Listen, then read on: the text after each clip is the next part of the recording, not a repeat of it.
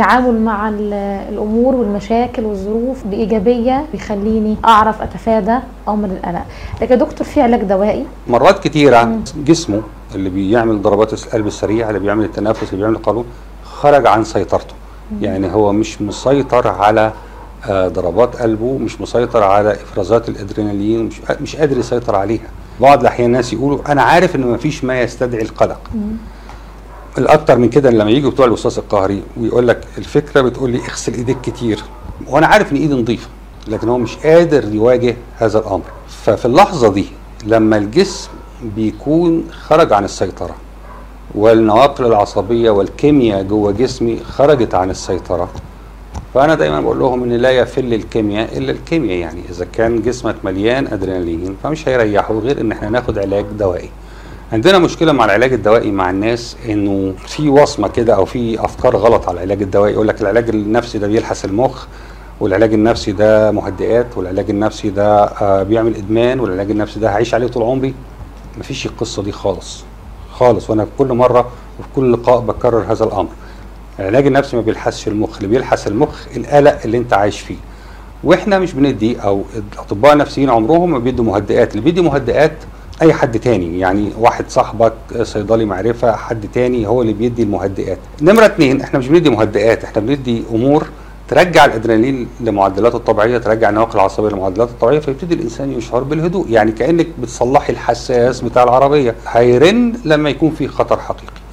آه نمرة ثلاثة إحنا مش بنعيش على الأدوية النفسية طول عمرنا. إذا الناس أخذت العلاج آه في ميعاده يعني يعني في ميعاده يعني بمجرد ما شعر بالتعب بيسهل إصلاح الأمر ويبقى الأمر أسبوعين ثلاثة ست أسابيع شهر وبعد كده بنرجع نبطل.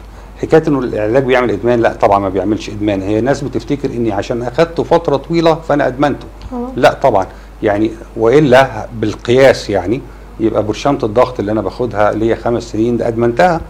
برشام السكر اللي أنا واخدها ليا 20 سنة دي أدمنتها. لا هم الناس ما تقولش كده.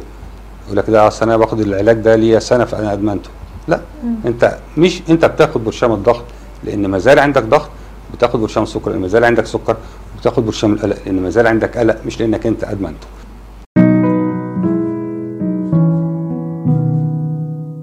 في بعض الأحيان ده اللي هو ذهني عارف ومتأكد إنه مفيش خطر كبير يعني أو إن أنا أقدر أتعامل مع الخطر. لكن ده اللي هو جسمي لا مش مستوعب الفكرة. جسمي عنده زي فكرة الحساس بتاع العربية اللي هو لا مش مصدق مش مصدق. أنا حاسس إن في مصيبة هتحصل.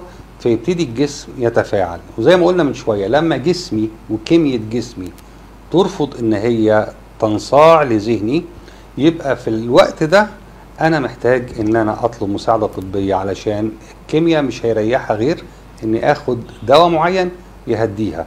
وده بيكون رائع جدا ومريح جدا لأن مجرد ما الكيمياء بتنزل بيحصل الانسجام ما بين الجسم والمخ. خلاص جسمي بيبقى مصدق دماغي. آه بيبقى أنا عارف أنا عايز أعمل إيه. على فكرة حكاية إن الجسم يتصرف من دماغه دي بتحصل في مرات كتيرة. يعني شبه بالظبط لما يجي حد يقول لك أنا بحس بحموضة وإفراز للحمض في معدتي بدون ما آكل. طب ليه كده؟ يقول لك أهو ويروح للدكتور ويكشف. ففي مرات جسمنا بيتصرف لوحده منفصلا عن الذهن. هو عارف إن مفيش مشكلة بس جسمه مش عارف إن مفيش مشكلة. في اللحظة دي مهما هو قال للجسم الجسم مش هيطوع ودي بيبقى علاجها بسيط جدا والدواء اللي هياخده حاجة خفيفة جدا. مجرد إن هي ترجع جسمه للهدوء وترجع جسمه للتوافق مع ذهنه.